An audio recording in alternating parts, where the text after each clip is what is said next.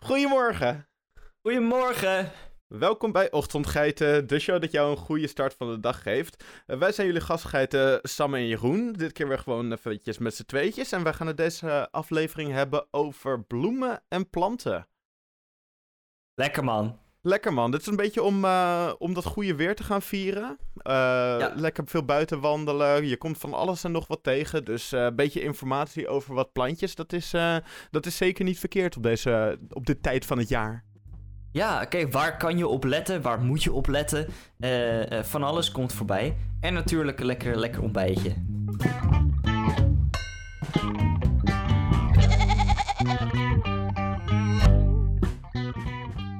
Bloempjes. Bloempjes. Bloempjes. We gaan het vandaag lekker hebben over bloempjes. Maar bloempjes zitten aan plantjes. En we gaan het vooral hebben over plantjes.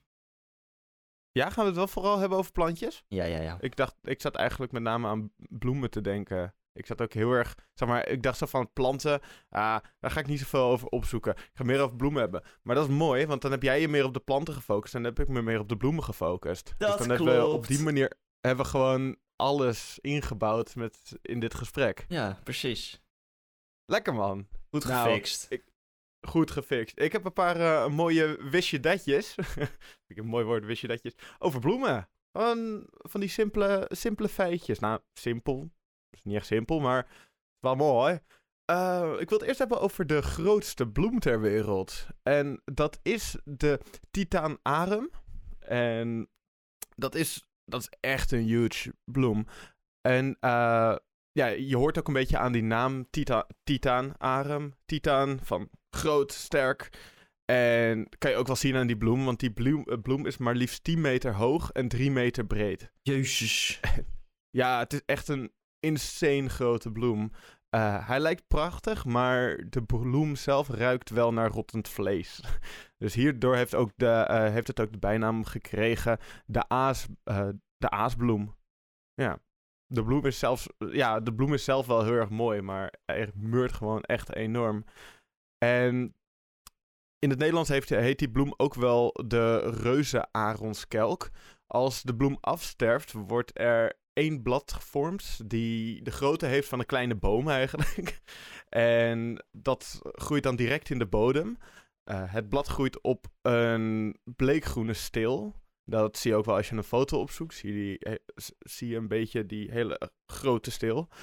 En die, eh, die zich aan de top in drie soort van grote bladeren eh, vertakt. Die deelbladeren die eromheen zitten. En ja, die bladstructuur kan zo'n fucking 6 meter lang worden en 5 en vijf meter breed. Dat is echt gigantisch Dat groot. is echt gigantisch. Ja, ik heb ook hier wat foto's. En er, zit, er is één foto waar een random man ernaast staat. En die plant is gewoon, denk ik, drie, twee, drie keer zijn lengte. Ehm, Ja, maar het is gewoon echt een boom. het slaat echt nergens op. Het, is ook, Het, heeft ook de grootste onvertakte bloeiwijze van alle bekende planten. Hoe dan? het, is, het, is, het is bizar inderdaad. En eh, ook te bedenken dat die elk jaar gaat, eh, gaat het blad dat eromheen zit, gaat eigenlijk die hele boom, wil ik het even noemen, gaat de hele bloem gaat dood. En binnen een jaar wordt die weer zo, zo groot zoals die daarvoor was.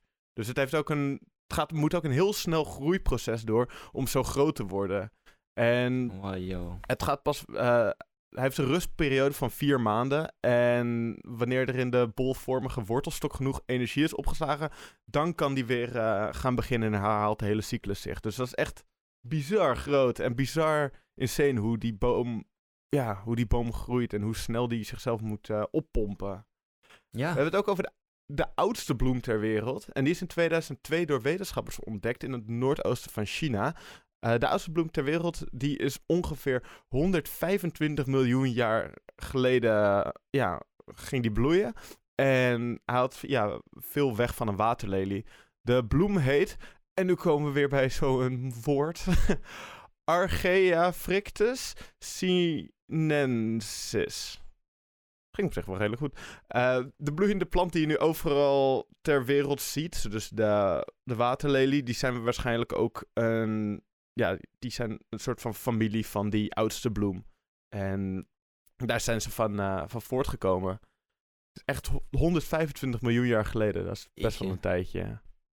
That's a Ja, lot of time. De Ar- eh, eh, ik ga weer doen alsof ik wat weet, maar de Ar- Archaea is een, volgens mij een familienaam van planten. Ehm, en een heleboel hebben die naam. Dat is toch een beetje Ehm, deze hele podcast dat we doen alsof we iets weten. Ja, dat is wel waar. Daar zit wel wat in. ja. Maar ja, nee, dat. Nou het is best wel. Er zijn ook alleen nog maar fossielen van, toch? Of ben ik gek? Eh, ja, ja je, je kan het niet meer, eh, je kan hem niet meer vinden. Je hebt Nee. inderdaad het dichtstbijzijnde verwant is dan de gewone waterlelie die je ziet. Maar ja, verder kan je die plant zelf kan je, kan je niet meer vinden. Of die Ja. bloem zelf dan. Want planten zijn wel wat ouder, maar bloemen zijn, kwamen toen. Eh, wat ik hele mooie, eh, mooie planten vind, en jij waarschijnlijk ook, er zijn rozen. Ben je een beetje fan van rozen? Ja, ik moet er heel hard van niezen, maar ik vind ze wel heel cool. Lekker, lekker. Nies is ook fijn. Ja, toch? Ehm, Soms wel. Precies. Anders blijft het zo in je hoofd zitten. Nou, eh, wist je dat eh, het een vruchtenplant is, net als de aardbei, de framboos, de peer, de appel en de pruim, en dat die tot de rozenfamilie horen? Ja, Oh, dit wist jij? ja ik heb een. eh, Natuurlijk wist jij dit. een, eh, een, een stiefvader die hovenier is. oh dus ja, dan, Dat is dan toevallig. Maar voor, anders had ik het echt niet geweten hoor. Maar... Nee, nee, dat, dat lijkt me ook. Lekker man. En eh, wist je dat in de 15e eeuw de tulpenbollen in Nederland meer eh, geld waren dan goud? Of meer waard waren dan goud? Nee, zeker niet zelfs. Is dat waarom er zoveel eh, uiteindelijk in Nederland zijn eh, gaan groeien? Omdat het gewoon toen heel veel geld waard was. Ja. Want Ja, ze klopt. En komen van origine zijn- natuurlijk uit Turkije. Mhm. Ehm, Ik weet ook Ja. dat de, de VOC die heeft heel veel met, met tulpenbollen gedaan. En tulpenbollen over de hele wereld geschept. En dat was voor hun was dat een van de redenen dat het zo'n big business is geworden. Dat weet bijna niemand, maar dat is meer, meer mensen kijken naar de VOC van eh, plekken, plekken vinden, vlek- plekken veroveren, dat soort dingen. Maar ze Ja. waren heel groot in de tulpenbollenindustrie. En omdat dat dus zo, eh, zoveel geld waard was, konden ze ook lekker verdienen toen. ja. Nice. Wist je dat? En dat is de volgende. Toen 100 jaar geleden vikingen Schotland eh, binnen wilden vallen, werden ze afgeremd door wilde distels. Hierdoor kregen de Schotten meer tijd om te ontsnappen aan de aanval. Dit is de reden waarom wilde distels de nationale bloem van Schotland is. En terecht. Ja. Snap ik wel. Eh, ja, ik vind het wel mooi dat, dat vaak is dat natuur je een soort van tegen kan helpen. eh, tegen, ja, je, je tegen kan zitten en zo. Maar dit keer is het weer mooi dat de natuur je hierbij gewoon even een handje helpt. Ja, er is ook wel een heel groot deel van de natuur in Schotland wat wel echt heel erg tegen zit. Dus op zich mag ze ook wel wat meezitten. Ja, fair enough. Zoals bijvoorbeeld de mitjes, Ja, de, klo de klote vliegjes. wil je weten waar wij het over hebben? Luister dan de aflevering over insecten, want daar hebben we het over. Lekker man. Dat is twee, drie, drie afleveringen geleden. Yes. Volgens mij. Als ik het goed heb. Nice. Oké. En wist je dat zonnebloemen, waarvan de, zonnekno- eh, van, waarvan de bloemknop nog niet is opengegaan, die gaan wel gewoon eh, door de dag heen mee met de zon. Dus die gaan door de dag heen, gaan ze van het oosten naar het westen. Dit heet heliotropisme. En s'nachts draait de zonnebloem weer, eh, weer terug naar het oosten. Dus zelfs wanneer die gewoon dicht is, gaat hij wel doen alsof hij zonlicht opvangt. Want zo is hij. Oké. Ja, bijzonder. Eh, Ja, dat is ook zeker een interessante. En al wordt de paardenbloem onder onkruid gere- eh, gerekend, het is eigenlijk een hele nuttige bloem. De bloemen en bladeren van de paardenbloem bevatten namelijk vitamine A en C, ijzer, kalium en calcium. Vandaar dat er ook wel eens thee van paardenbloemen wordt gemaakt. Dus het is echt een, ja, vruchtzaam eh, een, ja, een goede bloem is het om lekker te eten. Als je onderweg bent en je hebt dus honger, eh, pak gewoon een paardenbloem. Maar Niet, doe- zo, niet zo'n paardenbloem die al dood is, want dan krijg je gewoon allemaal, eh, allemaal van die kleine dingetjes in je bek. ja, van die... eh, oh. Hoe heet dat? Ja, van die zaadjes. Maar dat, Ja, van die zaadjes. dat is echt één hap stof gewoon als je dat doet. Ja, ja dat moet je niet doen. Nee. G- gewoon niet doen. Er zijn genoeg uit video's van mensen die het wel doen en het is nooit fijn. Ja, ja. Vooral mensen die het dan ook proberen in te ademen. Ja. die zie je echt sterven. Op zich ook wel weer een fijn deel van het internet. Dat je eh, heel vaak dingen kan zien dat iemand anders het doet. En dan vervolgens de conclusie kan trekken van... hé, hey, dit kan je beter niet doen. Zonder dat je het zelf hoeft te doen om te testen... of je het beter wel of niet kan doen. Precies, precies. Dat is, en het is een soort van toch dat, dat ergens dat leedvermaak eh, vermaken ook, wat toch weer een beetje een soort van extra kleur aan je leven geeft. Oké, volgende weetje. Uit de bloem Crocus sat- eh, sativus eh, wordt safraan gewonnen. En dat is een specerij. Safraan wordt ook wel rood goud genoemd, want eh, de prijs van een kilo safraan is hoger dan die van een kilo goud. Tjoe. Ja, dit wist ik, maar alsnog. Het is gewoon, ja, bizar. Ja. Bizar. Zeker. Het is. eh safraan. Heb je wel eens safraan gegeten? Ja, Ja, absoluut. Ik heb er ook eten mee Lekker. gemaakt een keer. Dat, Lekker, man. eh, ja, was een lekkere risotto. Volgende weetje. Aan de geur van, rijm, eh, van rijm, van lijm kun je het helaas niet merken. Maar de sap van de wilde hyacint wordt van oudsher gebruikt om lijm, lijm te maken. Oké. Eh, Oké. Dus waarschijnlijk omdat het sticky is. Ja, En plakkerig is. oké. Bijzonder. Zeker bijzonder. En dat is als het voor, volgende feitje.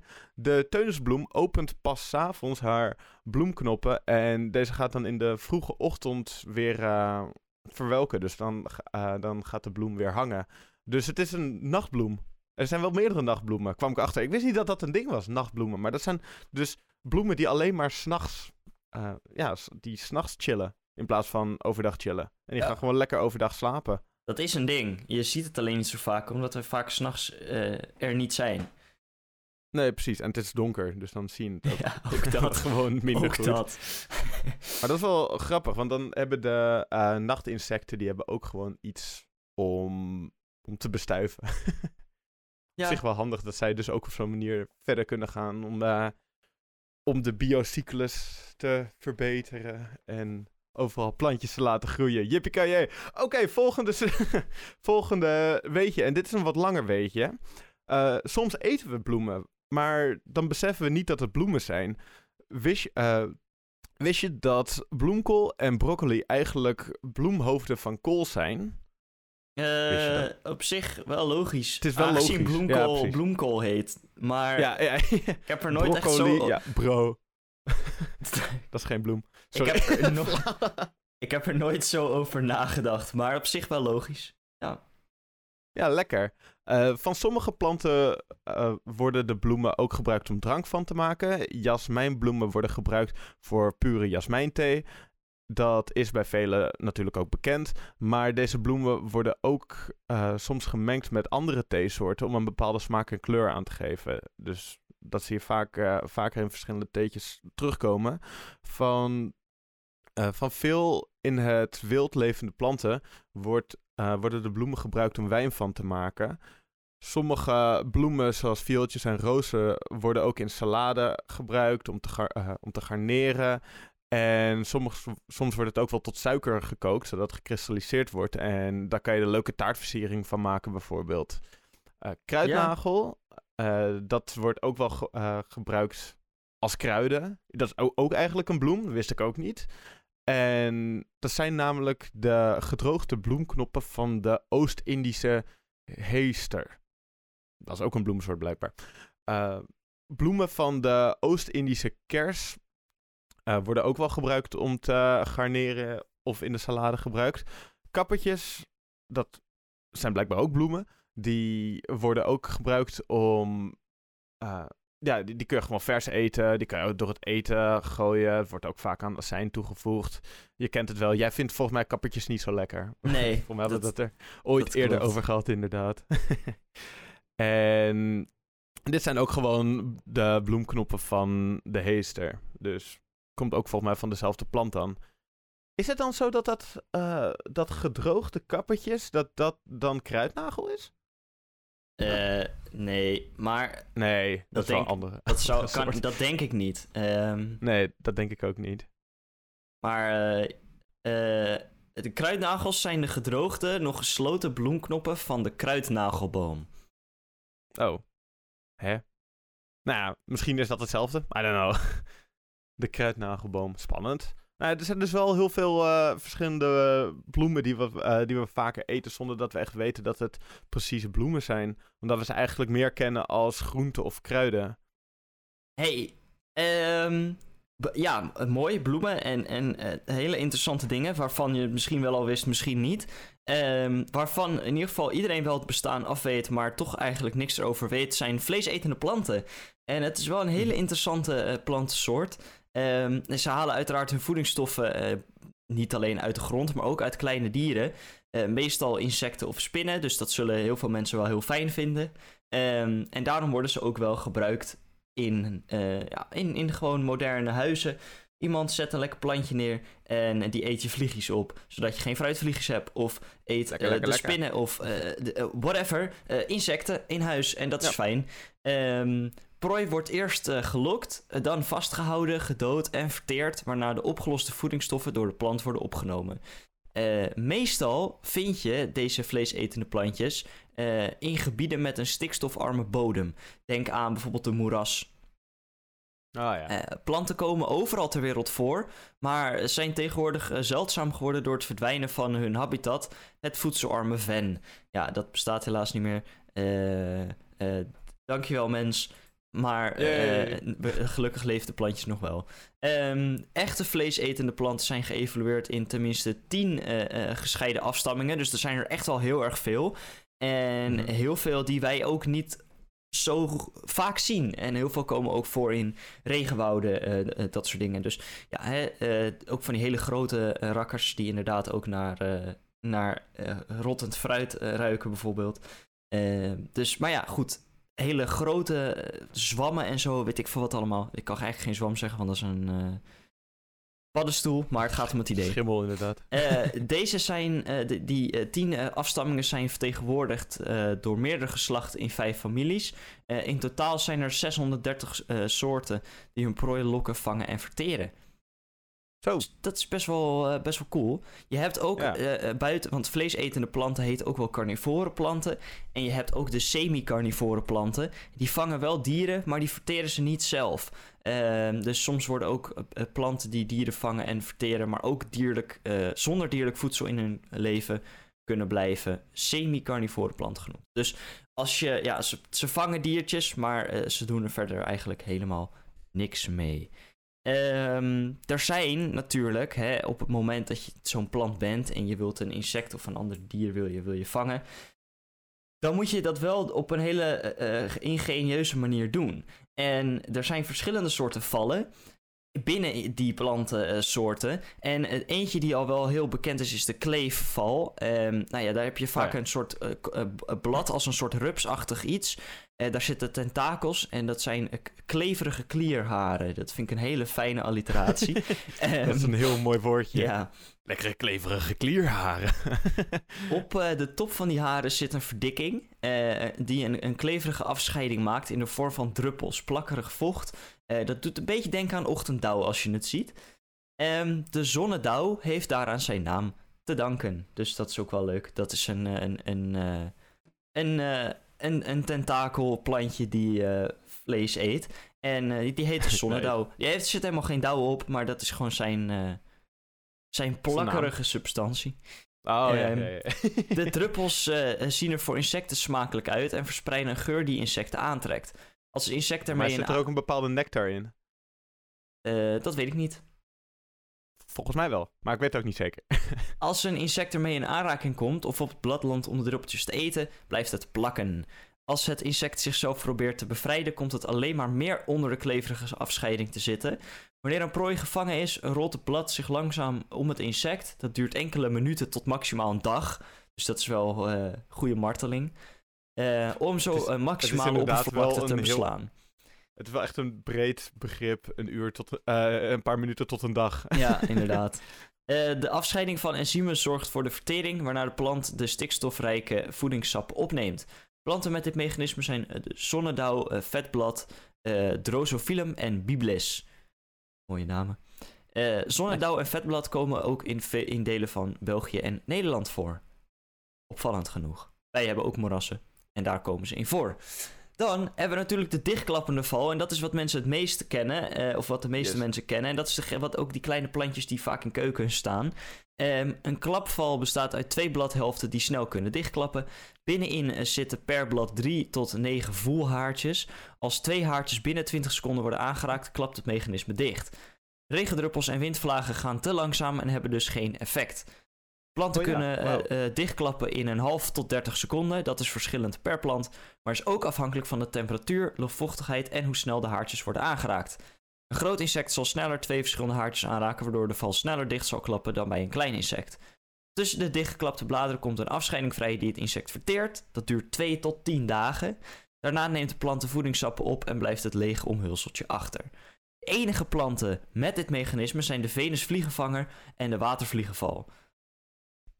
Ik, ik, ik heb er eentje, eh, ik heb een venusvliegenvanger heb ik op mijn kamer gehad. Ja, heb ik een keertje van mijn, eh, een verjaardag gekregen. En dat is echt, dat is echt leuk. Echt Ja. een leuk, leuke plant. entertainende plant. Ja, precies. Dan hebben we de bekerval en die eh, ruikt vaak het smerigst. Dat is een, ook wel een acidium genoemd. Of een bekerval is een bekervormig blad dat een valkuil vormt in de vorm van een beker. Logisch.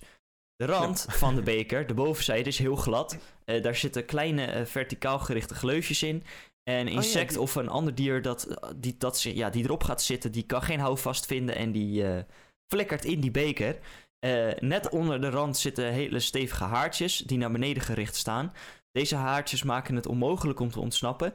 Ehm, in de beker van de plant zit een soort waterige, zure afscheiding die het gevangen prooidiertje verteert. De trompetbekerplant uit Noord-Amerika en de zonnebekerplant uit Zuid-Amerika hebben langwerpige vallen. De tropische bekerplant Nepenthes eh, groeit in Madagaskar en Azië en heeft bladeren met aan het eind van elk blad een verlenging van de nerf met aan het eind een bekertje. Dus er zijn verschillende manieren, maar eh, ja, dat, dat, dat, dat goedje wat onderin zit, dat is toch wel aardig smerig en eh, ja, daar wil je niet aanraken, zeg maar. Nee, nee, daar, daar word je niet gelukkig van. Oh, net ook weer een soort van lijm waar je dan half in blijft hangen ook. Ja. En wordt het, het is eigenlijk een soort van maagsap. Ik vind het zo vet hoe die planten... Zeg maar, je kijkt altijd met evolutie, kijk je vaak naar de evolutie van de mensen en zo. Maar als je zo'n bekerplant dan hoort, dan moet ook echt een goede evolutie doorgegaan zijn. Dat het ook echt die haren heeft en zo, om ervoor te zorgen dat ze niet ontsnappen. En dat is best wel impressive. Nou ja, buiten dat, het begint bij, oké, ik ben een plant. Ik heb voed- voedingsstoffen nodig. Ik zit op een bodem eh, waar bijna geen stikstof zit, maar ik heb dat wel nodig om eh, te overleven. Hoe ga ik, waar ga ik dat uithalen? Andere organismen, hoe dat, dat zo'n plant dat dan door evolutie daarachter komt en dan zo'n hele val maakt en weet ik veel wat. Ja, dat is bizar. Ja, sick. Echt bizar. Sick. En eh, dan hebben we nog zuigvallen. Zuigvallen functioneren onder water. Planten met dit mechanisme hebben bi- binnen de door het blad gevormde holte onderdruk. En eh, ja, als een prooidier eh, eh, ja, dat aanraakt, dan ja, wordt die- plotseling eh, opgeheven, die druk. En daardoor wordt de Oh. water en eventuele prooidiertjes naar binnen gezogen. Blaasjeskruid is het Oh. enige geslacht van dit, dat van dit principe gebruik maakt. Ehm, dat is echt een, een soort... ja, een, een, echt een, een hele fijne plant. Hele kleine eh, blaadjes en, en, en zo. En dat zit, zit net op het wateroppervlak. Dat is wel grappig. Sick. Eh, dan hebben we nog... Deze kende ik nog niet, maar dat is wel... Ja, je, herkent de planten wel, maar dat het een vleesetende plant is, is dan eh, een nieuwe. Ehm. Dan hebben we nog eentje, dat is de fuikval. En daarbij is de binnenkant van de wortel eh, met naar binnen gerichte stevige haren bezet. Eh, daardoor eh, ja, kunnen de diertjes minder makkelijk naar buiten. Ehm, ja, heb een voorbeeldje daarvan. Het is eh, tropisch Afrika en Zuid-Amerika voorkomende geslacht. Genlisea met ongeveer 20 soorten. En die hebben allemaal wortelen en zo. En eh, ja, het is een beetje de. Ik denk dat daar ook wel een aantal eh, eh, dingen op zijn gebaseerd. Zoals uit Harry Potter de grote plant die met zijn wortelen mensen vasthoudt. Totdat Oh ja. ze on- ontspannen. Ehm, ja. Vleesetende planten. planten. Lekker. En, ja, ja, vlees- Weet het is je, zo interessant, die, die eh, vleesetende planten. Gewoon dat je carnivore planten hebt. Het is eigenlijk al bizar om over na te denken. ja. Dat het dus... eh, dat zij hun voedingsstoffen halen uit... In plaats van normale planten die het gewoon uit de bodem halen. Dat ze dat gewoon uit dieren doen. Ja. Lekker. Ja, weet je wat ook, weet je, kijk, deze vleesetende planten, hè, die hebben gewoon af en toe eh, hun maaltje. Net als wij als mensen.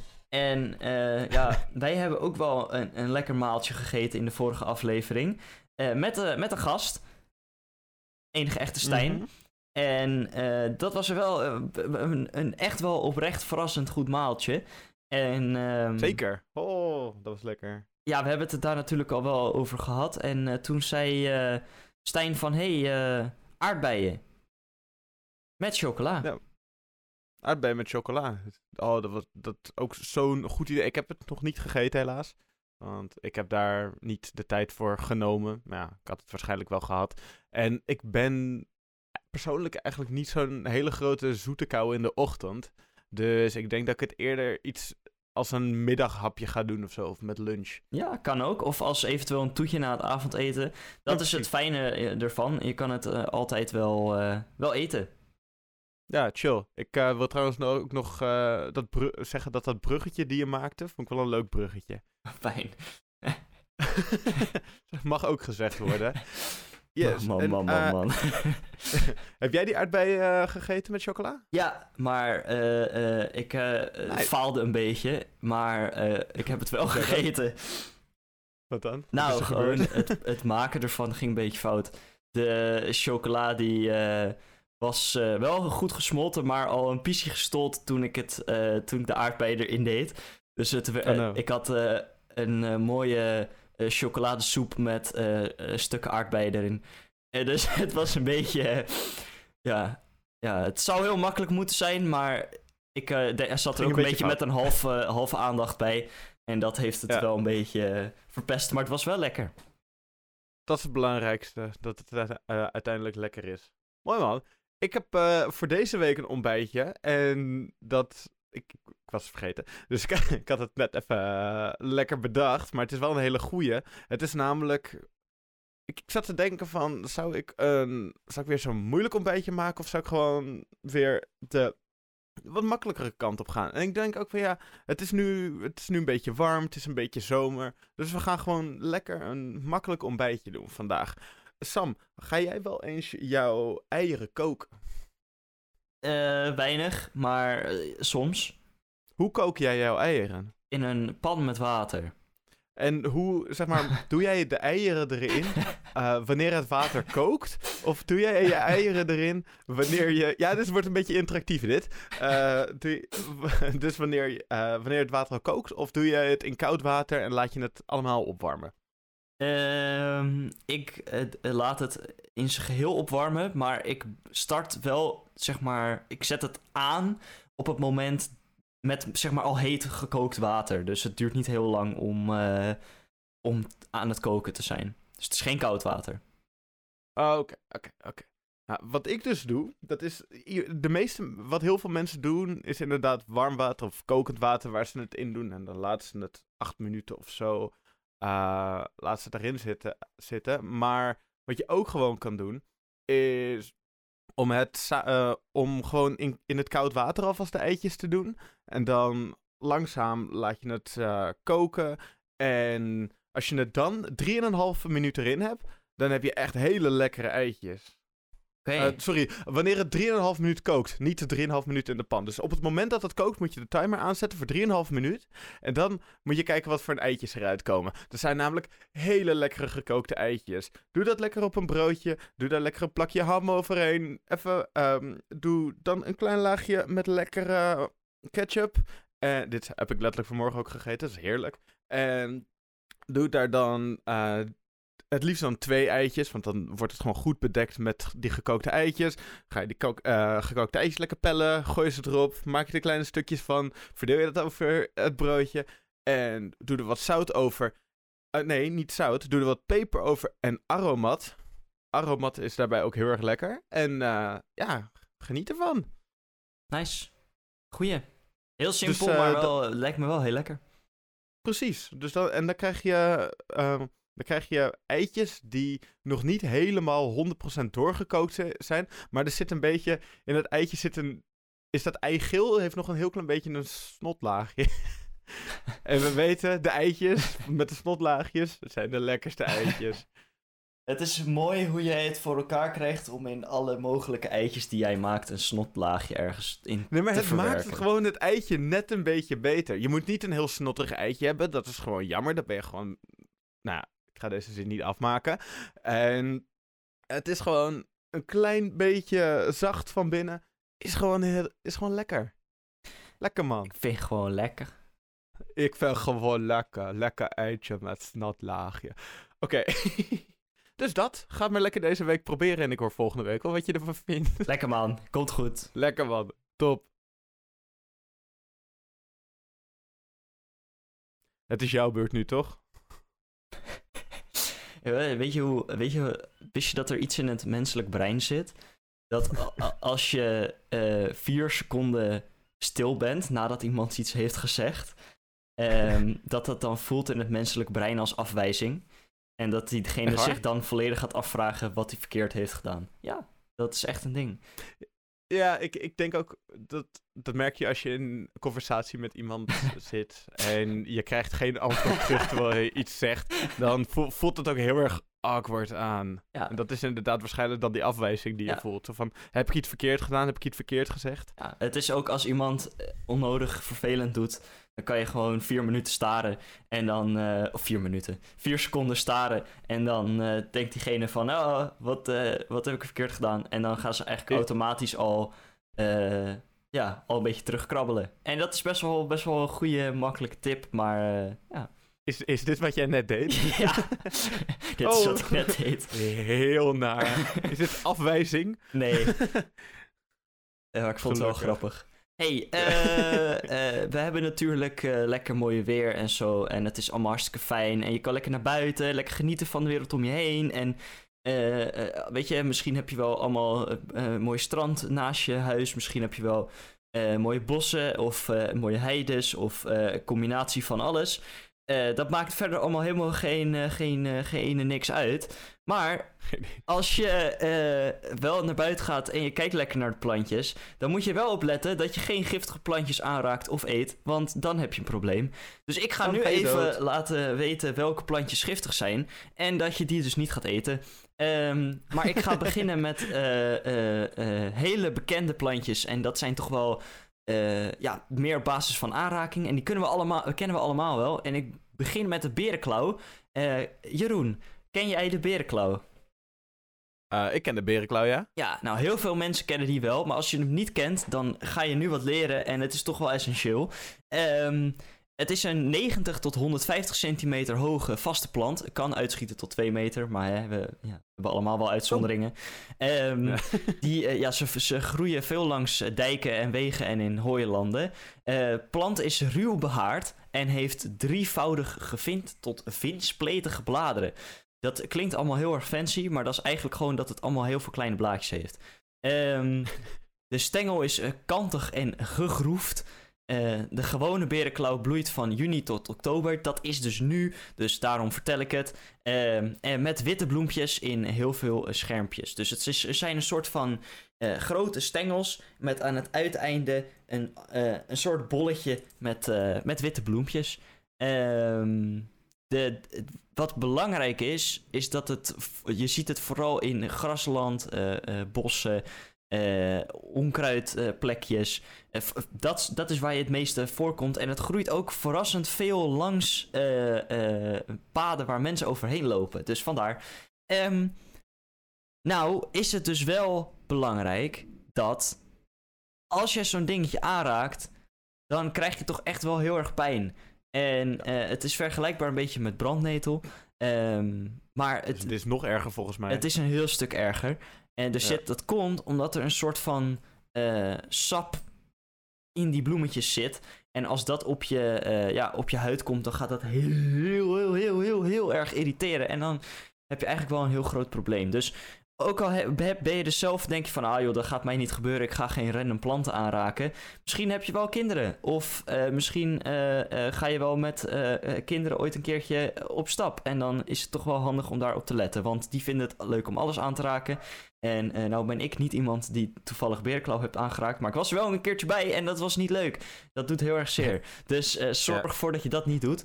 En dan heb ik de tweede soort waar ik het over wil hebben. En dat is brandnetel. En die is nog bekender. En eh, brandnetel is natuurlijk, eh, ja, weet je, mooie rechte, rechte blaadjes met van die puntjes. En je kan brandnetel eh, makkelijk gewoon aanraken als je het onderaan pakt en gewoon naar boven Ja, grijpt. Maar je moet niet tegen de haarrichting in. Want dan krijg je ontzettende erge jeuk. Ehm, en ja, dat... Komt dat dan omdat die haartjes dan in je gaan zitten of zo? Ehm, ja, het zijn brandharen. En eh, die, eh, ja, die, die, die, ja, die, die, die gaan een soort van in je eh, eh, eh, huid. Heel, heel klein beetje. Maar het is vooral dat er, eh, ja, dat er zuren en, en histamine bijvoorbeeld uitkomt. En dan krijg je allergische reacties. Oh ja, ja, het zijn gewoon. Het is, het is niet per se dat die dingen in je blijven zitten of zo. Het zijn inderdaad gewoon naalden die je prikken en waar dan inderdaad die bepaalde gif uitkomt. Ja. Lekker. Ehm, nou heb ik al een mooi verhaal over brandnetels. eh, wat mij ook heel vaak nog steeds wordt verteld, zodat ik het ook niet kan vergeten. Ehm, Soms heb je van die verhalen. Ja, ik was vroeger ooit op vakantie met eh, eh, mijn ouders en mijn broer en zus. En toen waren we gewoon lekker aan het lopen langs een, over een dijkie. Langs, en langs de dijk was een zachte berm. En daar stonden allemaal plantjes. En we liepen met de opblaasboot, waar ik twee afleveringen geleden ook al een verhaal over heb verteld. En Ja. eh, ik viel naast de weg in de brandnetels. In het enige bosje nee. brandnetels wat er langs die volledige dijk stond. En ik had Kut, alleen mijn zwembroek aan. En ik viel in mijn volledigheid in die plant. Dus eh, ja, ik eh, vond het niet zo leuk. En ik was denk ik Nee. vier of zo. Dus ik was ook wel echt goed aan het sterven. Dat was... ah, dat deed echt zeer. Je was, er, je was er echt gewoon volledig ingevallen. Volledig. Volledig. Oei, dat is niet chill, nee. Nee. Ehm, toen heb ik ook nog later een keertje, maar toen had ik niet alleen een zwembroek aan, dat scheelde. Toen kwam ik van school en toen fietste ik met, eh, met iemand naar huis. En eh, haar stuur kwam vast te zitten in mijn stuur. En toen vielen we ook opzij in de berm tussen de twee fietspaden. En ook precies op die plek stond een brandnetelbosje. En ik Oh, viel in de brandnetelbos met een fiets op me, met haar op me en nog een fiets op me. Dus Oh. eh, ik heb genoeg ervaring met brandnetels. En elke keer als ik een brandnetel zie, dan zegt mijn stiefvader leuk van... Ja, haha, je kan ze gewoon aanraken. En dan doet hij het eh, vet leuk. En dan denk ik, nee, dat gaan we niet doen. Ik heb te Nee, veel nee, nee, trauma's aan die brandnetels. Dat gaan we Voor jou is absoluut het echt niet een doen. trauma geworden, inderdaad. Ja, maar dat zijn planten die je niet moet aanraken. Maar dan hebben we ook nog wat plantjes die je absoluut niet moet eten. Ehm, en daar heb ik er negen van. We beginnen met lelietje van Dalen. Eh, een giftige plant die lijkt op daslook. En eh, dat is een, eh, een plant met een mooie, eh, een soort van bekervormig blad. eh, met hele mooie witte bloempjes. Eh, ruikt echt heel lekker, maar is een ontzettend giftige plant.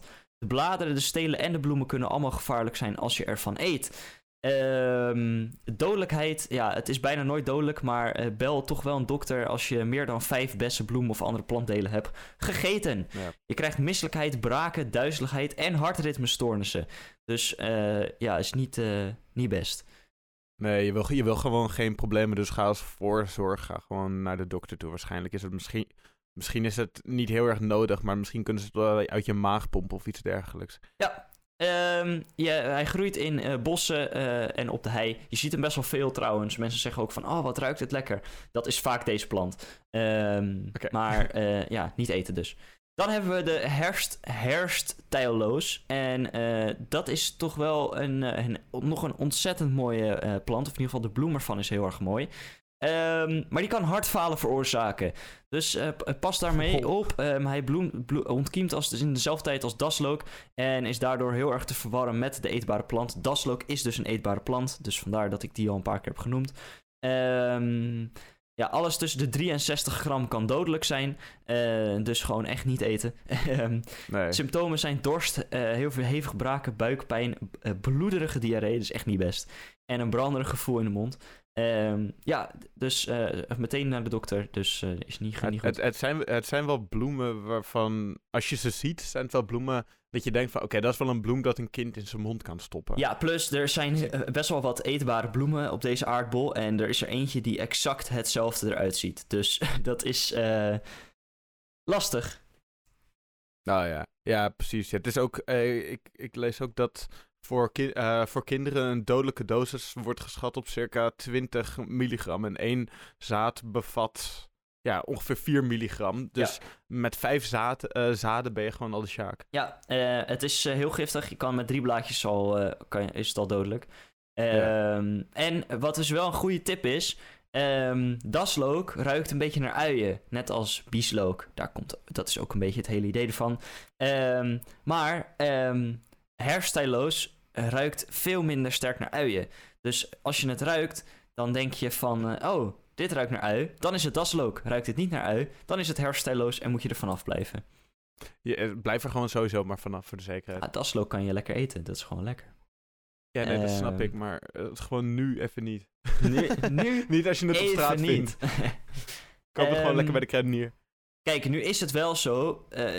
kijk, en zelfs als een plant gif bevat, hoeft die echt nog niet gevaarlijk te zijn. Dat ga ik er wel bij zeggen, want Nou, klopt. in heel, veel, in heel grote hoeveelheden kunnen zelfs aardbeien klachten veroorzaken. Maar dat maakt de plant dus helemaal niet gevaarlijk. Ehm, Wist je dat bananen radioactief zijn? Ja. En, Er zit eh, kalium in, dus als je heel veel bananen eet, dan... Kalium is een radioactief stof. Eh, alleen in hele, hele, hele kleine mate. Ehm, ja, eh, kijk, sommige g- giftige planten bevatten zulke grote hoeveelheden gif dat één hapje dodelijk kan zijn. Maar er zijn er dus ook heel veel die wij gewoon bijna dagelijks eten, die ook giftig zijn, maar pas in hele grote mate. En dit heb ik al ooit een keertje geleerd op de middelbare school. Alles is giftig als je er maar genoeg van eet. Ehm, maar let er dus wel op, dingen die ik nu vertel, zijn dus alleen giftig in kleine mate. En daar moet je dus echt vanaf blijven. Voor de rest zal je misschien wel tegen kunnen komen dat het giftig is. Maar dan hoeft het dus helemaal niet per se eh, eh, eh, dodelijk of giftig te zijn. In, in zoverre schadelijk in kleine mate. Dat wil niet zeggen dat als er een plant is die ik niet noem, dat die meteen ook veilig is om te eten. Ehm, Ja. Maar hè, even als ding dat je niet meteen bang hoeft te zijn voor alle planten, want dat is absoluut niet de boodschap. Ehm, dan hebben we de waterscheerling, die lijkt een klein beetje op berenklauw, maar is iets anders. Ehm, ja, is toch wel afhankelijk van hoeveel eh eh, cytotoxine erin zit, hoeveel dodelijk het is, maar één hapje kan al genoeg zijn. Ehm, is een, eh, ja, wat ik zeg, lijkt een beetje op berenklauw, maar ziet er net iets anders uit. En het is ook een van de giftigste planten van Europa. Dan hebben we de gevlekte scheerling. Is een beetje hetzelfde, alleen dan met wat kleinere bloempjes. Ehm eh, interessante feitje. Deze plant werd gebruikt voor executies, omdat hij zo giftig is. Oh, wauw. Eh, ja, zware vergiftiging als je hem eh, eh, voor careful aanziet. Dus ja, dat kan je dan weer wel eten. Ehm, dodelijke dosis voor een volwassene is 150 tot 300 milligram eh, alkaloïden of eh 15 tot 30 gram vruchten. Niet best, niet eten. Ehm, Nee, Socrates, blijven. Socrates is gedood met gevlekte scheerling. Ehm, Oké. Dus ja. Interessant feitje. The more, the more you know. Eh, ja, er is heel vaak, heel veel mensen weten dat niet. Socrates is natuurlijk heel bekend, hè? Grieks filosoof, dit en dat. Maar hij is ooit vergiftigd, eh, eh, ehm, omdat, eh, ja, men was het niet met hem eens. En dacht van, deze man moeten we weg hebben, want hij is gevaarlijk. Want straks gaat hij ideeën in, in mensen hun brein planten en dan krijgen we paniek. Dus dat Ja. moet niet. Nu kijken we naar hem als een soort van opperbrein, maar toen was dat heel anders. En eh, ja, ze hebben hem Toen dus een, gekke eh, ideetjes, inderdaad. een kopje drinken gegeven, waarschijnlijk verlicht met opium, zodat hij minder pijn zou hebben. Eh, ja, met gevlekte scheerling. En toen was het klaar. Dan hebben we de vingerhoedskruid. Ehm, dat is een hele, hele mooie plant. En die wordt ook heel veel gebruikt in tuinen. Ehm, maar die is ook heel erg giftig. En dit zijn mooie roze hangende bloempjes. Als een soort bekertjes die ondersteboven hangen. En ja, het, het, kijk, in sommige landen wordt het gekweekt om werkzame stoffen tegen hartkwalen te winnen. Maar eh, in ieder geval in Nederland en in België is het vooral een tuinplant. Ehm, moet je niet in eh, al te grote hoeveelheid eh, eten dus. Groeit in bossen, op hellingen en bij hekken. En ja, wat ik zeg is te, te herkennen aan de paarse, terechtvormige bloempjes. Lijken op vingerhoedjes. Dat vind ik nog een betere dan, Ja. dan onderste, Ja. ondersteboven bekertjes. Ehm, ja, populair in de tuin. Super mooi, nog steeds vooral gewoon gebruiken. Maar niet helemaal eten. Er is wel een leuk, leuk ding daarover, is dat eh, ze worden wel, eh, die planten worden wel medisch gebruikt. Ja. Want eh, die planten die, be- eh, die bevatten dus eh glycoside, eh digos, eh, digoxine en digitoxine. En dat is dus erg giftig, maar digoxine wordt, uh, wordt gewonnen uit de bladeren van tweejarige planten. En die wordt gebruikt bij de behandeling van bepaalde hartritmestoornissen. Ja, klopt. Dus uh, ja, en ook vaak uh, bij behandelingen van hartfalen. Dus dat is dat wel interessant dat hij... Hij is giftig, maar ja, specifiek die tweejarige planten, die kunnen wel ook weer gebruikt worden om het juist ook weer te fixen. Ja, plus het zijn kleine doseringen. Hè? Um, ja. Wat ik eerder ook al zei, in kleine doseringen zijn heel veel dingen vaak gewoon prima. Maar op het moment dat je het ja, groter doet, dan uh, is het een rip. Uh, dan hebben we de doornappel. Die is wel wat bekender. Um, en die verlamt de ademhaling. Dus daarom is die uh, flink dodelijk. En nou is het toevallig dat je die wel heel erg goed herkent. Want er zitten aan deze plant kleine soort van ja, vruchtjes met dorens. En het heeft mooie wit-paarse bloemen. Um, maar ja, je kan hartkloppingen, koorts, hallucinaties, euforie, geheugenverlies en verlamming van de ademhalingsspieren uh, uh, ervan krijgen. Nou zullen een aantal dingen die hier tussen staan misschien wel uh, gewenst zijn voor sommige mensen, maar doe het gewoon niet. Ja, doe het gewoon niet, want uiteindelijk sterf je. Ja. 25 gram zaadjes is al genoeg om het dodelijk te maken. Um, dus ja, maar ook, ja, wat ik zeg, uh, uh, door de hallucinerende en stimulerende werking wordt doornappel wel verwerkt in crèmes die lustopwekkend moeten werken. Dus heb je problemen met in je seksleven, doe onderzoek naar crèmes uit doornappel. Maar niet de plant eten, want dat is gewoon niet zo'n goed idee. um, Dan hebben we uh, eetbare planten. Uh, ja, die kunnen dus giftige stoffen bevatten. Wat ik eerder ook al zei. Uh, ook gewoon dat wat we dagelijks eten. Denk bijvoorbeeld aan spersiebonen. die bevat het gif fascine dat maagpijn en krampen veroorzaakt. wordt vernietigd door hitte. En spersiebonen moeten dus altijd worden gekookt voordat je ze eet. Nou, hè? Ook weer een dingetje. Uh, oh, wow. Dan hebben we uh, rode peper, die hebben vanillelamine, die bij uh, consumptie van grote hoeveelheden ernstige branderigheid, geïrriteerde slijmvliezen en maagpijn kunnen veroorzaken. Nou, dat is op zich wel herkenbaar bij peper. Um, ja. Gewoon niet veel eten. Um, is vaak waar, waar mensen het ook wel voor eten, maar goed. Hè. Uh, waar het zit bijvoorbeeld ook, uh, het sap uit citrusvruchten uh, kan irritatie veroorzaken aan de huid. als die aan zonlicht wordt blootgesteld daarna. hebben we aardappel die misselijkheid en braken kan veroorzaken. eet daarom nooit rauwe aardappelen en vermijd de groene delen van aardappelen. dus kook ze gewoon lekker of bak ze of whatever, maar eet ze niet rauw. Tabaksplant, nou ja, uiteraard nicotine, misselijkheid, ademhalingsproblemen en trillingen. Ehm, diverse bijwerkingen bij het roken. Nou, dat is allemaal wel bekend. Uh, dan hebben we komkommer. Het behoort tot de pompoenfamilie, interessant genoeg. Um, en deze bevat uh, oh. bittere, gaat proberen het uitspreken, cucurbitacinen. Ja, die uh, irritatie van de slijmvliezen en ja. slikproblemen kunnen veroorzaken. Plant smaakt uh, zo bitter dat je hem bijna meestal meteen wel weer uitspuugt en zo vergiftiging voorkomt. Dat is het fijne van ons lichaam. Dat hebben ook heel veel dieren. Als wij iets eten en we denken van, oh bitter, betekent dat meestal gif. En daarom houden heel veel mensen ook niet van bitter. Um, nee, en, en, sowieso met giftige, giftige dingen in het algemeen. Nou, je lichaam die is gewoon best wel goed in dat niet naar binnen willen krijgen. Ja. Dat af willen stoten daarvan. Ja, inderdaad. Uh, daar hebben we rabarber, uh, een uh, oxaalzuur in hoge dosis branderigheid en braken kan veroorzaken. Maar de meeste gifstoffen zitten in de bladeren, dus als je gewoon de stengeltjes eet, dan is het helemaal prima. En het is ook heel erg lekker, dus blijf dat vooral ook doen. jeneverbes bevat etherische oliën die de huid kunnen irriteren en in heel hoge dosis de nieren aantasten.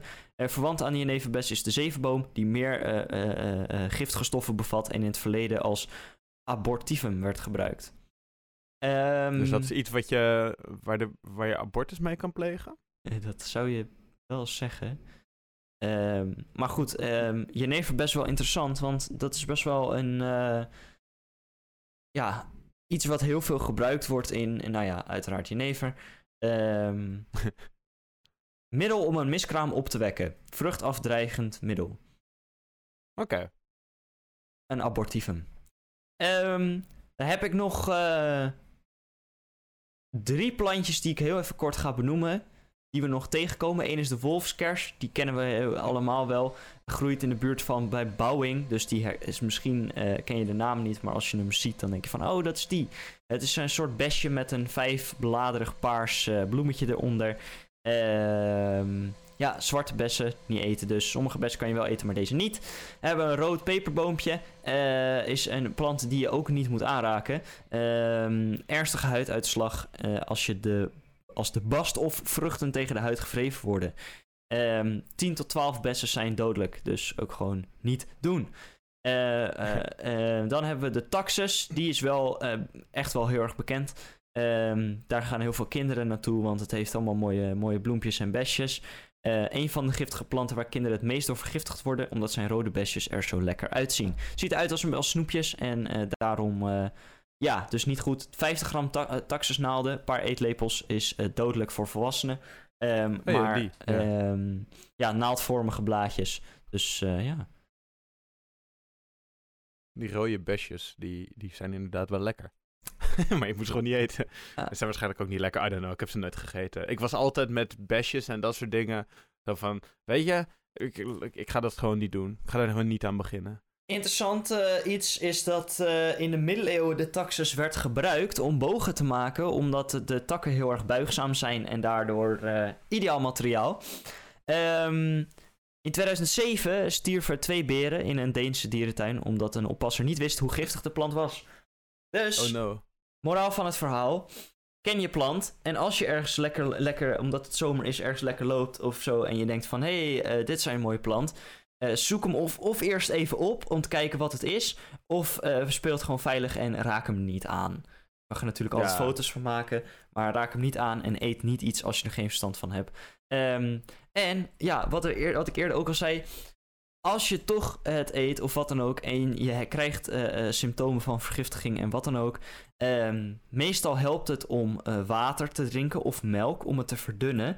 Um, als dat niet helpt, bel gewoon een dokter en ga gewoon meteen naar de ja. dokter. Want dat ja, is eigenlijk altijd de beste oplossing.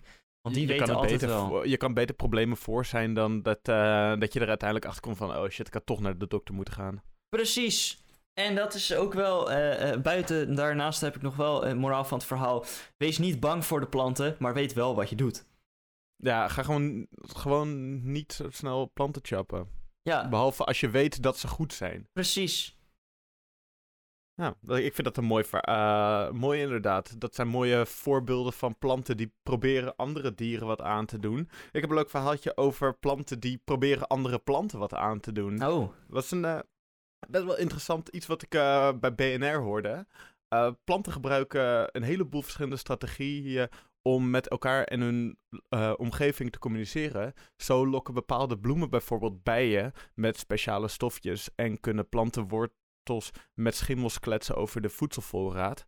Nu hebben onderzoekers ontdekt dat planten ook micro-RNA gebruiken om met elkaar te praten. Ja, bizar hè? het, ja, het is echt, het is echt ongelooflijk. Het RNA kan, uh, kan zelfs de genen beïnvloeden van de ontvanger. Uh, in het experiment zagen, zagen ze in het lab hoe de planten die uh, in hetzelfde water groeiden, deze RNA-deeltjes met elkaar uitwisselden. Het kwam als een verrassing voor de onderzoekers, omdat RNA vaak onstabiel is buiten cellen. En ze eigenlijk ja, iets heel anders aan het bestuderen waren. Dus het was voor die wetenschappers zelfs was het ook ineens van... Oh, shit, wat gebeurt hier nou? Een van de planten was zo gemodificeerd dat hij extra veel van een bepaald type RNA produceerde. Andere uh, planten in dezelfde bak niet. Maar die pasten ja, wel ineens de timing van hun bloei aan. Dus toen ze uitzochten hoe dat kon, toen zagen ze dat andere planten grotere hoeveelheden van een type RNA bij zich hadden, zonder dat ze uh, het zelf produceerden. Dus dat betekent dat een andere plant uh, een soort van die plant met zijn RNA besmet heeft, waardoor die gewoon minder goed aan het groeien waren. En zo kunnen, kunnen sommige planten kunnen dan een, ja, kunnen een voorsprong krijgen op de rest door uh, dat RNA door te geven aan andere planten. Dat is echt sick. En ja, waarom zouden planten dit doen? Ja, één verklaring is om elkaar te waarschuwen. Ja. Uh, dus je kan met uh, RNA kan je gewoon heel mak, door dat te verzenden, kan je gewoon heel makkelijk op een bepaalde manier met communiceren en elkaar ook waarschuwen voor bepaalde dingen. Een andere is, ja, wat ik net al zei, competitie. Want hoe handig zou het zijn als je je buren zo genetisch zou kunnen aanpassen dat het, e ja, dat het eten voor jezelf allemaal is.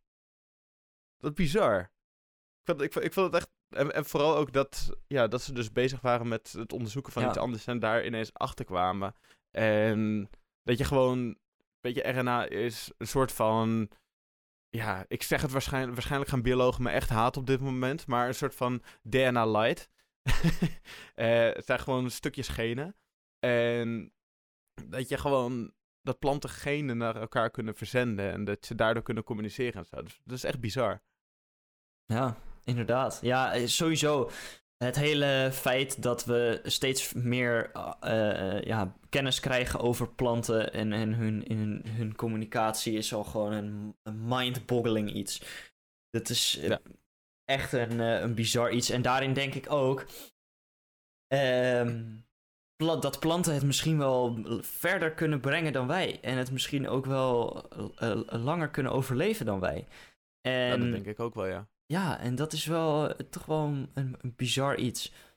Zij kunnen zich zo erg aanpassen aan hun leefomgeving. En er is ook zoveel verschil daarin. Ja, wat, wat we gewoon vandaag allemaal hebben doorgenomen van verschillende planten. En hoe deze allemaal binnen hun natuur en hun biosfeer functioneren. En wat ze er ook allemaal doet. Dat er zelfs planten zijn die vlees eten. Dat er planten zijn die elkaar dus eh, waarschuwen met RNA. Dat, is- dat is gewoon insane. Ja. Hoe, hoeveel, hoeveel verschillende soorten planten eh, er zijn en hoe ja, en wat ze allemaal kunnen. En ik denk dat ja, dat we daar als mens ook gewoon ja, ook met respect mee om moeten gaan. Zeker. nou ja, weet je wat ook wel Sowieso de hele buitenwereld. een hele bizarre gedachte. Dit was iets wat eh, eh, iemand een tijd geleden tegen mij zei. eh, waarvan ik, waar ik nog steeds niet helemaal over, klaar ben over nadenken. En ik denk dat dit al drie, vier jaar geleden is. Ehm, Ik ben heel benieuwd. planten. Wij, wij ademen zuurstof in en ademen koolstofdioxide uit. Ja. Planten ademen koolstofdioxide in en ademen zuurstof uit. Mhm. Ehm, wat nou als de planten ons zuurstof geven en zeg maar onze stoffen die wij nodig hebben om te overleven, hè, zuurstof is een van de belangrijkste, eh, zodat op het moment dat wij doodgaan en in de grond zitten, zij weer ons op kunnen smikkelen en alle voedingsstoffen uit ons kunnen halen en zodat ze zichzelf daardoor beter kunnen leven of verder kunnen leven. Ja. Ja, Circle of Life. Ja, maar dat planten ons dus gebruiken. En als een soort van. Eh, eh, ja. Ons gewoon zo zeggen van: hé, hey, hier heb je stoffen. Dan kan je lekker ademen. En lekker blij zijn en leven en zo. En dan kunnen wij jullie lekker opeten als jullie er niet meer zijn. Dat is toch. Oh, dat, dat er echt een hele soort van masterplan achter elkaar zit. Van een soort van hive mind van de planten. ja, bijvoorbeeld. om ons te gebruiken gewoon als voedselbron. Een beetje hetzelfde als dat wij, koeien, eh, dat wij ook koeien e- eten en daardoor koeien domesticeren en ervoor zorgen dat, zij dat zij genoeg eten krijgen en dat zij voortplanten, dat soort dingen. Dat planten dat eigenlijk doen met ons. Ja, Sick. dat is toch bizar. dat is bizar inderdaad. Of het zo. het, is, het, het is wel zo dat ze gewoon heel veel voedingsstoffen halen uit, uit dode mens. Ja. Ja. En dier. En Maar ja, eh, heel vreemd. Eh, hele rare gedachte. Maar eh, wel, wel grappig om bij stil te staan. Want het is wel Ja, eh, natuurlijk de andere kant van. Ja, het is, het is, wij kijken als mens vaak niet vanuit zo'n perspectief. Maar het is wel grappig om er zo over na te denken. Of het echt zo is, dat, ja, dat geen idee natuurlijk. Maar. Hè, eh, Nou, nou, ik, denk, ik, ik denk niet dat het een soort van echt een plannetje van de, pla- eh, een plannetje van de planten is geweest om dat bij ons te doen. Maar ik, ja, een plant kan ook helemaal heel- zo evolueren dat ze een of andere gekke beker kunnen maken met sappen erin, met haartjes die naar beneden staan om eh, insecten in de val te lokken. Eh, dat is een Ja. ingewikkeldere evolutiestap dan eh, ervoor zorgen dat er meer voedingsstoffen in de grond zitten. dat is waar, maar dan zouden de planten dus iets gecreëerd moeten hebben. Dat zouden ons gecreëerd moeten hebben. ehm, om, dat, om dat dan te fixen. Zeg maar. I don't, know. Ik, ik, ik denk gewoon eerder. Het, het is, ik, ik snap zeker wel de kant die die gedachtegang op gaat. Maar ik denk eerder gewoon dat het toch moeder natuur is die, eh, die er gewoon voor heeft gezorgd dat er op een gegeven moment mensen komen. En wanneer die inderdaad dood gaan, dan is dat goed voor de planten en dat soort dingen. Dat ik denk dat dat geen idee was van de planten, maar meer van de aarde zelf. Of zo. Ja, het is het ecosysteem Maar je weet het nooit. natuurlijk. Het is het ecosysteem. Ja, Maar je weet, ja. het nooit. Ja, je weet het nooit. We kunnen er je misschien weet achter komen. 100% zeker. Aangezien ja. we nu ook al weten dat planten via RNA met elkaar communiceren, kunnen ze misschien ook wel hier achter komen. Maar eh, Misschien even- zijn de planten wel, eh, zijn wij mensen, komen dus voort direct uit planten die gewoon bepaalde RNA in zich gekregen hebben, waar dat hun DNA zeg maar eh, heeft beïnvloed, dat eigenlijk het DNA zo is geworden zoals het, dat van ons is geworden en dat we daardoor zo gegroeid zijn zoals we gegroeid zijn. ja, dan zouden dus planten uit de zee, dat moet dat dus bij zijn gebeurd. En dan Ja. vervolgens moet dat dus eh, eh, eh, klei- kleine levende organismen in de zee zijn. En dan vervolgens moeten daar dus vissen uitkomen. En dan dus am- amfibische wezens. En dan moeten daar dus weer kruipende wezens uitkomen. En dan klimmende wezens. En dan komen wij.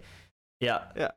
Oké. Maar we worden, we worden ook altijd opgeladen door het RNA van die planten. want wanneer ik eh, s'nachts in mijn bed lig, eh, wanneer jij slaapt, wanneer iedereen aan het slapen is, zonder dat we het doorhebben, gaat door. eh, als je raam open hebt of iets dergelijks, komt er zo'n sliert van de planten naar binnen. En die wordt dan op je voorhoofd, eh, komt die dan. En die gaat dan bepaalde RNA naar je doorsturen, zodat jij onder hun invloed eigenlijk kan leven. Dat jij op die manier eigenlijk ja, doet wat de plant wil. Dus wij zijn uiteindelijk zijn wij allemaal producten van planten die ons in de nacht wanneer we slapen eh, gaan indoctrineren met hun RNA. Ja. The more you know. The more you know. Neem ons alsjeblieft niet serieus, want dat doen we zelf Nee. ook niet. Maar, eh, dit, is, dit is fantasie dat gewoon een beetje ver gaat. hey, eh, ik vind het wel mooi eigenlijk. Ehm, ja, mooi geweest. eh. Geniet van, je, van, je, van, je, van het lekkere weer en eh, ja, kijk even nog wat bewuster om je heen. naar de mooie dingen om je Jij heen. ook, Sam? Ja, is echt zo. Ehm, Ja. En eh, heel veel plezier met wat je dan ook gaat doen. Misschien ga je wel op vakantie, misschien ga je wel naar school, misschien ga je wel naar werk, misschien ga je wel wat met vrienden of familie doen. Misschien ga je gewoon even lekker chillen zelf. Misschien eh, ga je een, serietje kijken of een boek lezen of een tekening maken of een schilderij maken of een... eh, misschien ga je wel gewoon helemaal niks doen. Wat je ook gaat doen. Ja. Heel veel plezier ermee en heel veel succes. En geniet van je week. En ja, eet smakelijk. Eet smakelijk. Fijne week. Doei doei.